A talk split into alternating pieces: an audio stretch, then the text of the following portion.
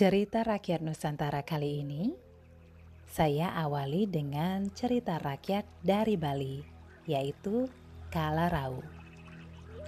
Alkisah, Kerajaan Wisnu Loka dipimpin oleh Dewa Wisnu.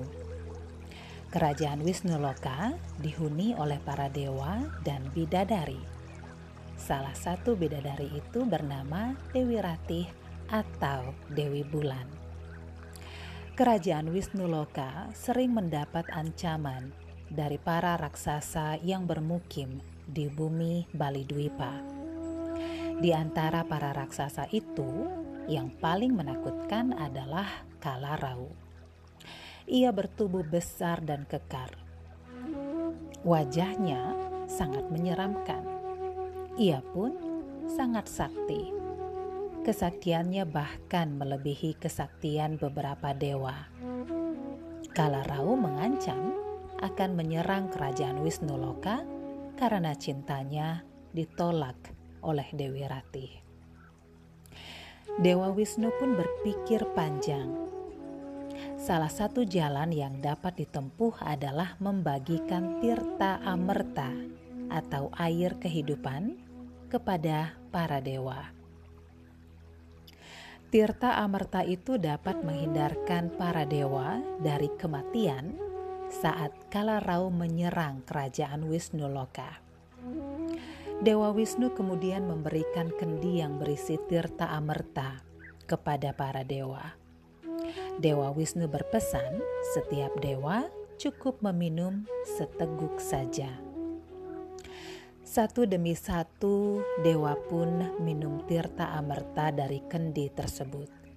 Mula-mula, dewa Iswara, kemudian dewa Sambu, Brahma, Mahadewa, dan Sangkara. Ketika giliran tiba pada dewa Kuera, dewa Wisnu mencium bau yang aneh Dewa Wisnu merasakan sosok Dewa Kuera mencurigakan. Kecurigaan Dewa Wisnu pun semakin besar setelah melihat Dewa Kuera meneguk Tirta Amerta berkali-kali.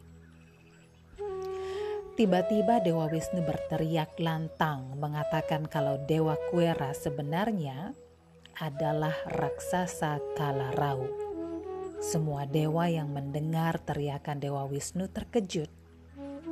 Dewa Wisnu lalu memanah leher Dewa Kuera palsu itu. Perlahan-lahan Dewa Kuera berubah menjadi Kalarau. Leher Kalarau itu pun putus dan kepalanya terpisah dari badannya. Dengan segera, para dewa membuang badan Kalarau ke bumi Bangkai tubuh Kalarau yang dibuang ke bumi berubah menjadi kentungan, lesung, dan batang pohon. Sedangkan kepala Kalarau yang terpisah dari badannya melayang-layang di angkasa karena sempat meminum tirta amerta. Air yang diminumnya baru sampai kerongkongan. Oleh sebab itu, kepala Kalarau masih tetap hidup. Pada suatu ketika, saat bulan purnama, kepala Kalarau berjumpa dengan Dewi Ratih. Kepala Kalarau lalu menghadang Dewi Ratih. Dewi Ratih tidak dapat menghindar. Tubuhnya gemetar saat Kalarau semakin mendekat dan mendekapnya. Tubuh Dewi Ratih yang cantik itu perlahan-lahan tertelan Kalarau Raksasa yang rakus itu mengira tubuh Dewi Ratih masuk ke perutnya. Ternyata dugaan Kalarau salah. Sesaat kemudian, sedikit demi sedikit tubuh Dewi Ratih pun muncul kembali. Ketika tubuh Dewi Ratih tertelan Kalarau, bumi Bali Dwipa menjadi gelap Peristiwa tertelannya tubuh Dewi Ratih oleh Kalarau dipercaya oleh penduduk Bali Dwipa sebagai penyebab terjadinya gerhana bulan. Oleh karena itu, setiap terjadi gerhana bulan, penduduk beramai-ramai memukul kentungan, lesung, dan alat bunyi-bunyian lain. Dengan suara yang riuh rendah itu, raksasa Kalarau tidak akan lama mendekap Dewi Ratih.